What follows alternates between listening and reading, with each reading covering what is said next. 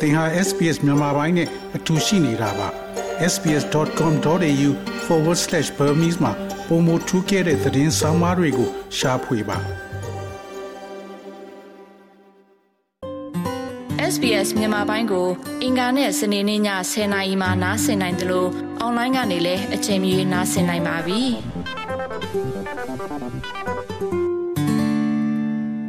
2022ခုနှစ်တွင် ကဘာကြီးဟာအဆိုးဝါးဆုံးကပ်ယောဂဘေးမှလွန်မြောက်လာတာနဲ့အမျှနိုင်ငံတကာအသိုက်ဝိုင်းသည်စစ်ပွဲကြောင့်တုန်လှုပ်ခြောက်ခြားခဲ့ရပြီးအားကစားအောင်မြင်မှုတချို့ကြောင့်စိတ်အားထက်သန်စေခဲ့ပါတယ်။2022ခုနှစ်တွင်ကျူးကျော်မှုများနိုင်ငံရေးလှုပ်ချံတပ်ဖြတ်မှုများရေလွှမ်းမိုးမှုများနှင့်မင်းမျိုးမင်းနွယ်များကွယ်လွန်ခြင်းတို့ကိုမြင်တွေ့ခဲ့ရပြီး၎င်းဟာအစသာဖြစ်ပါသေးတယ်။ ကမ္ဘာတဝန်းရှိနိုင်ငံများသည် COVID-19 ကပ်ရောဂါရဲ့အဆိုးဝါးဆုံးအကျိုးသက်ရောက်မှုများမှ ပြန်လည်နလန်ထူလာတဲ့ကဲ့သို့ပင် အချက်တဲသစ်များစွာ ထွက်ပေါ်လာပြီးဒါတွေကကမ္ဘာကြီးကိုလွှမ်းခြုံထားပါတယ်။2022ခုနှစ်သည်ဘောလုံးလောကရဲ့အကြီးမားဆုံးပြိုင်ပွဲကြီးနဲ့အတူဒါကဆိုးဝါးတဲ့အခြေအနေတွေထဲကကောင်းတဲ့အရာတစ်ခုအနေဖြင့်ရောက်ရှိလာခြင်းတွင် နိုင်ငံတကာအသိုင်းအဝိုင်းကိုခြေကွဲစရာများ လက်နက်ပဋိပက္ခများနဲ့လူမှုဆန္ဒပြမှုများကြောင့်တုန်လှုပ်သွားတာကို မြင်တွေ့ခဲ့ရပါတယ်။ဒေသတွေမှာလာနဲ့ချီတင်းမာမှုတွေဖြစ်ခဲ့ပြီးနောက်ရုရှားသမ္မတဗလာဒီမာပူတင်ဟာ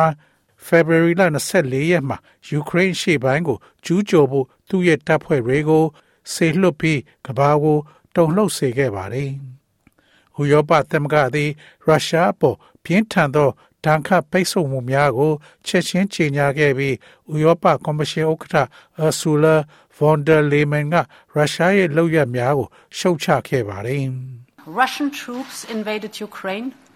a free and sovereign country and once again in the center of Europe innocent women men and children are dying of fear for their lives we condemn this barbaric attack And the cynical arguments to justify it. ရုရှားတပ်ဖွဲ့ဝင်များသည်လွတ်လပ်၍အချုပ်ချာအာဏာပိုင်သောယူကရိန်းနိုင်ငံကိုကျူးကျော်ဝင်ရောက်ခဲ့ပါသည်။တဖန်ဥရောပရဲ့အလဲဗဟိုတွင်အပြစ်မဲ့အမျိုးသမီးများအမျိုးသားများနှင့်ကလေးများသည်၎င်းတို့ရဲ့အသက်ကိုကြောင်းရွံ့နေကြပြန်ပါသည်။ဤရုပ်မှာသောတိုက်ခိုက်မှုနှင့်ရိုင်းဆိုင်သောရင်းခုန်မှုများကိုကျွန်ုပ်တို့ရှုံချပါသည်။ဥရောပစစ်ပွဲတွင် ပြန်အသက်သွင်းနေတာက သမရပူတင်မှာပဋိပက္ခအတွင်းမှာသေဆုံးသူဥယေအတိအကျကိုလက်တလောတွင် တိုင်းတာရမဖြစ်နိုင်သေးတော့လဲခမန်းချက်အများစုမှာတောင်းတဲ့ချီသောသေဆုံးမှုများရှိတော်လဲရုရှားရဲ့လေကြောင်းတိုက်ခိုက်မှုကြောင့်ယူကရိန်းအခြေခံအဆောက်အုံများကို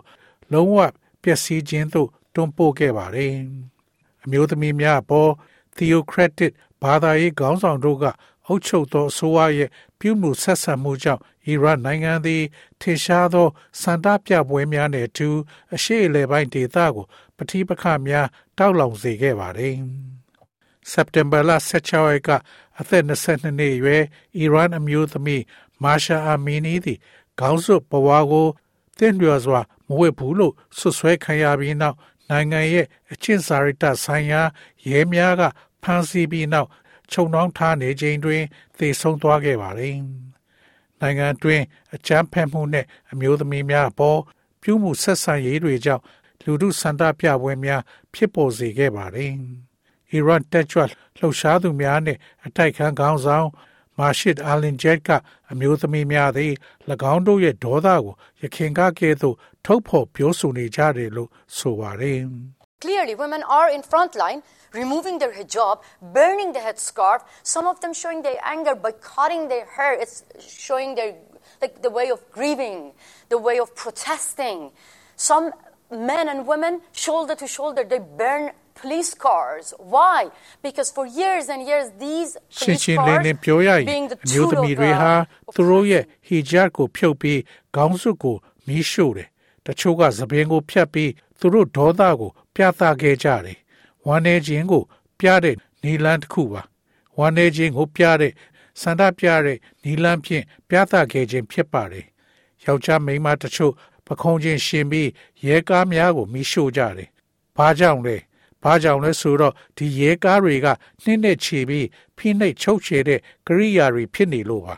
။ယခုလကုန်တွင်အီရန်စန္ဒပြသူ ဒါဇင်နဲ့ချီ၍သေဆုံးခဲ့ပြီးစက်တင်ဘာလ30ရက်တရက်ထဲမှာပဲသေဆုံးသူ66ဦးရှိကြောင်း Amnesty International ကပြောဆိုပါတယ်။ဂျပန်ဝန်ကြီးချုပ်ဟောင်းရှင်ဇိုအာဘေးလောက်ကျန်တပ်ဖြတ်ခံရတဲ့နိုင်ငံရေးအကြမ်းဖက်မှုလောက်ရကြောင်ယခုနှစ်တွင်ဂျပန်နိုင်ငံကိုတုံ့လှုပ်စေခဲ့ပါတယ်။မစ္စတာအာဘေးသည်နာယမြို့လမ်းမများပေါ်တွင် လူထုကိုမိန့်ခွန်းပြောနေစဉ်သူအား တူဒီသနတ်သမားကပြစ်ခတ်တိုက်ခိုက်ခဲ့ခြင်းဖြစ်ပြီးဇူလိုင်လအတွင်းကဖြစ်ပွားခဲ့ခြင်းဖြစ်ပါတယ်။သနတ်သမားသည်ဂျပန်နိုင်ငံတွင်တင်းကျပ်စွာထိန်းချုပ်ထားသောသနတ်စည်းမျဉ်းများကြောင့်လက်လုံသနတ်ကိုအသုံးပြုခဲ့ပါတယ်။ဂျပန်ရဲ့တက်တန်းအရှိဆုံးဝန်ကြီးချုပ်ကွယ်လွန်ပြီးနောက်ဗြိတိန်သည်စက်တင်ဘာလတွင်၎င်းရဲ့တက်တန်းအရှိဆုံးနန်းဆန်ဘုရင်မကိုဆုံးရှုံးခဲ့ပါတယ်။ ဒုတိယမြောက်အလက်ဇဘက်ဘုရင်မကြီးရဲ့ကျမ်းမာရေးအတွက်စိုးရိမ်မှုများရှိကြောင်းစက်တင်ဘာလ10ရက်ကပထမဆုံးကြေညာခဲ့ပြီးဘုရင်မကြီးသည် သူမရဲ့စကောလနေအိမ်တွင်ကွယ်လွန်သွားကြောင်းကြေညာခဲ့ပါတယ်။ဘုရင်မကြီးအလက်ဇဘက်ရဲ့နိုင်ငံတော်စာပနာအခမ်းအနားပြီးနိုင်ငံတော်ဝင်းနေခြင်းအထိမ်းအမှတ်ကိုဆယ်ရက်တာကာလကျင်းပခဲ့ပါတယ်။ထို့နောက်ဝန်ကြီးချုပ် Liz Truss သည် ဘုရင်မကြီးရဲ့အမှုထမ်းမှုတွေအတွက်ချီးကျူးဂုဏ်ပြုခဲ့ပါတယ်။ She ascended the throne just after the Second World War. She championed the development of the Commonwealth from a small group of seven countries to a family of 56 nations, spanning every continent of the world. We are now a modern, thriving, dynamic nation. Through thick and thin, Queen Elizabeth II ဒုတိယကမ္ဘာစစ်ပြီးတွင်သူမသည်ထိနန်းတက်ခဲ့ပါသည်သူမသည်ကမ္ဘာတိုက်ကြီးတိုင်းကိုလွှမ်းခြုံထားနိုင်သော နိုင်ငံပေါင်း56နိုင်ငံမှမိသားစုတစုမှဒနာသဟာရဖွံ့ဖြိုးတိုးတက်ရေးကိုလှုံ့ဆော်နိုင်ခဲ့ပါတယ်ကျွန်ုပ်တို့ United Kingdom သည်ယခုအခါခေတ်မီဖွံ့ဖြိုးတိုးတက်သောတက်ကြွသောနိုင်ငံတစ်ခုသို့ဖြစ်ပေါ်လာစေခဲ့ပါတယ်အေးအတူအပူအမြ ကောင်းတဲ့အချိန်နဲ့ဆိုးဝါးတဲ့အချိန်တွေမှာဒုတိယမြောက် Elizabeth ဘုရင်မကြီးကကျွန်ုပ်တို့လိုအပ်နေတဲ့တည်ငြိမ်မှုနဲ့ခွန်အားပေးစွမ်းနိုင်ခဲ့ပါတယ်။ဗြိတိန်နိုင်ငံဝမ်းနဲ့ပူဆွေးနေချိန်မှာ Commonwealth အဖွဲ့ဝင်နိုင်ငံဖြစ်တဲ့ပါကစ္စတန်နိုင်ငံဟာသူ့ရဲ့သမိုင်းဝင်ဖြစ်ရဆိုးနဲ့ရင်ဆိုင်ခဲ့ရပါတယ်။ဇွန်လမှအောက်တိုဘာလအထိမုတ်တုံရာသီနဲ့လက်တပြည့်ရေလွှမ်းမှုမှုများကြောင့် နိုင်ငံတော်ဝန်ဖျက်ဆီးခဲ့ပြီးအရေးကြီးသောအခြေခံအဆောက်အအုံများဖျက်ဆီးကပါကစ္စတန်နိုင်ငံသား1900ကျော်သေဆုံးခဲ့ရပါတယ်။လာများကောက်ပဲသီးနှံများတရားများသည် နိုင်ငံရဲ့အဆိုးဝါးဆုံးရေကြီးမှုမှာမျောပါသွားပါတယ်။ရေလွှမ်းမှုမှုဟာအပြည့်အဝရုပ်လျော့မသွားသေးပဲရေဘေးဒဏ်ခံပြည်သူ33သန်းကျော်ရှိနေပါသေးတယ်။ 2022ခုနှစ်သည်ဘရာဇီးနိုင်ငံ၌ဖြစ်ပေါ်သော အထူးခြားဆုံးတစ်ခုဖြစ်ပြီးကမ္ဘာလုံးဆိုင်ရာပထဝီနိုင်ငံရေးတွင် ကြီးမားသော ပြောင်းလဲမှုများကို မြင်တွေ့ခဲ့ရပါသည်။အောက်တိုဘာလတွင်လက်ရစွန်းနိုင်ငံရေးသမားနှင့်ဘရာဇီးသမ္မတဂျယ်ဘိုလိုဆိုနာရိုသည်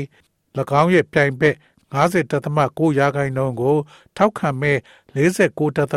49.1ရာခိုင်နှုန်းဖြင့်ပြန်လဲအရွေးခံရန်ကမ်းလှမ်းမှုကို ရှုံးနှင်းခဲ့ပြီးဒါကဘရာဇီးသမိုင်းတွင်ပထမဆုံးသမ္မတဖြစ်လာခဲ့ပါတယ်။ရွေးချယ်ခံရသောလက်ဝဲသမ္မတနှင့်ရခင်ခေါင်းဆောင်ဟောင်းလူလာဒါဆယ်ဗာသည်တဘာဝပါဝင်ခြင်းအကာအကွယ်များကိုရုပ်သိမ်းခြင်းနှင့် COVID-19 အချက်တဲကိုတုံ့ပြန်မှုနှေးကွေးခြင်းတို့ကြောင့်အထူးသဖြင့်အငင်းပွားဝဲဖြစ်နေသောဘယ်လိုဆိုနာရိုမှအဲ့ဒီခက်ခဲခြင်းများကို ကိုစားပြုပြောဆိုခဲ့ပါတယ်။လူလာသည်၎င်းရဲ့အောင်ပွဲသည်ဘရာဇီးဒီမိုကရေစီအတွက်အောင်ပွဲလို့၎င်းရဲ့မိန့်ခွန်းတွင်ပြောကြားခဲ့ပါတယ်။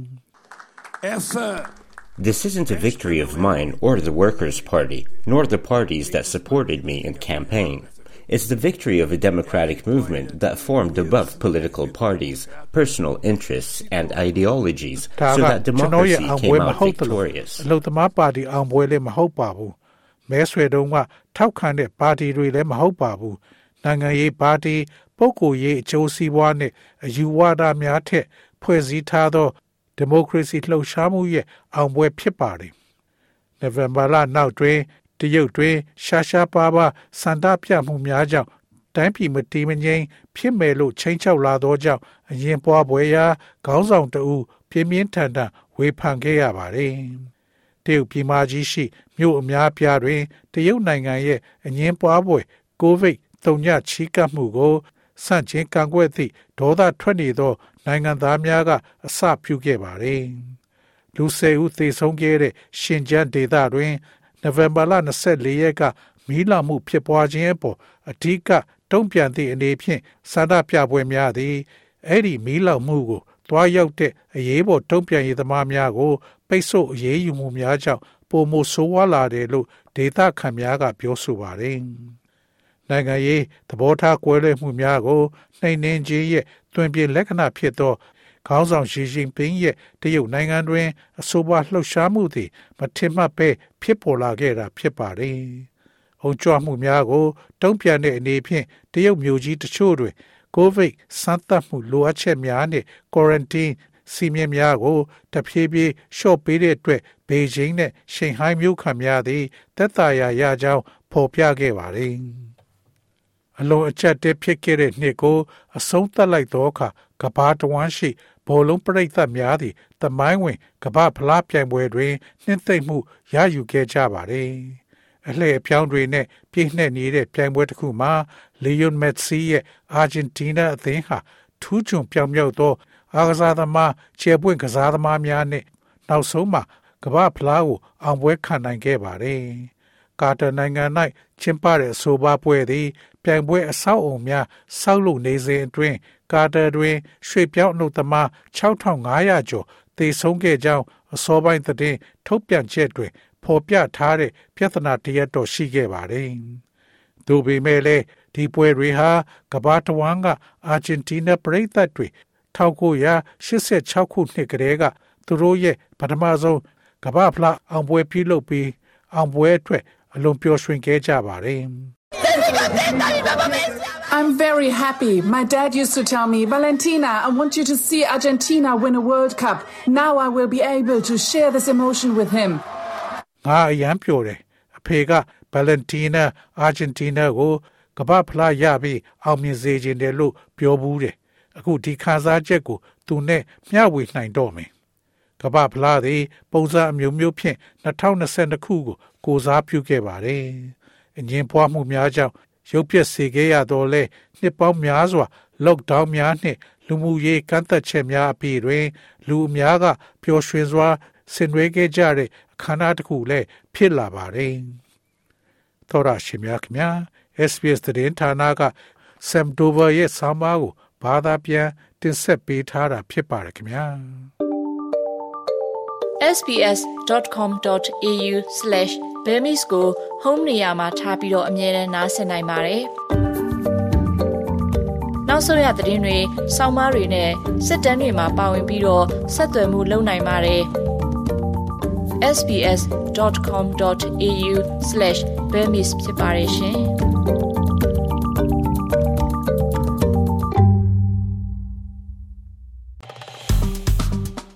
SPS မြန်မာပိုင်းကို Facebook ပေါ်မှာ like ရှာပြီး like မျှဝေမှတ်ချက်ပေးပါ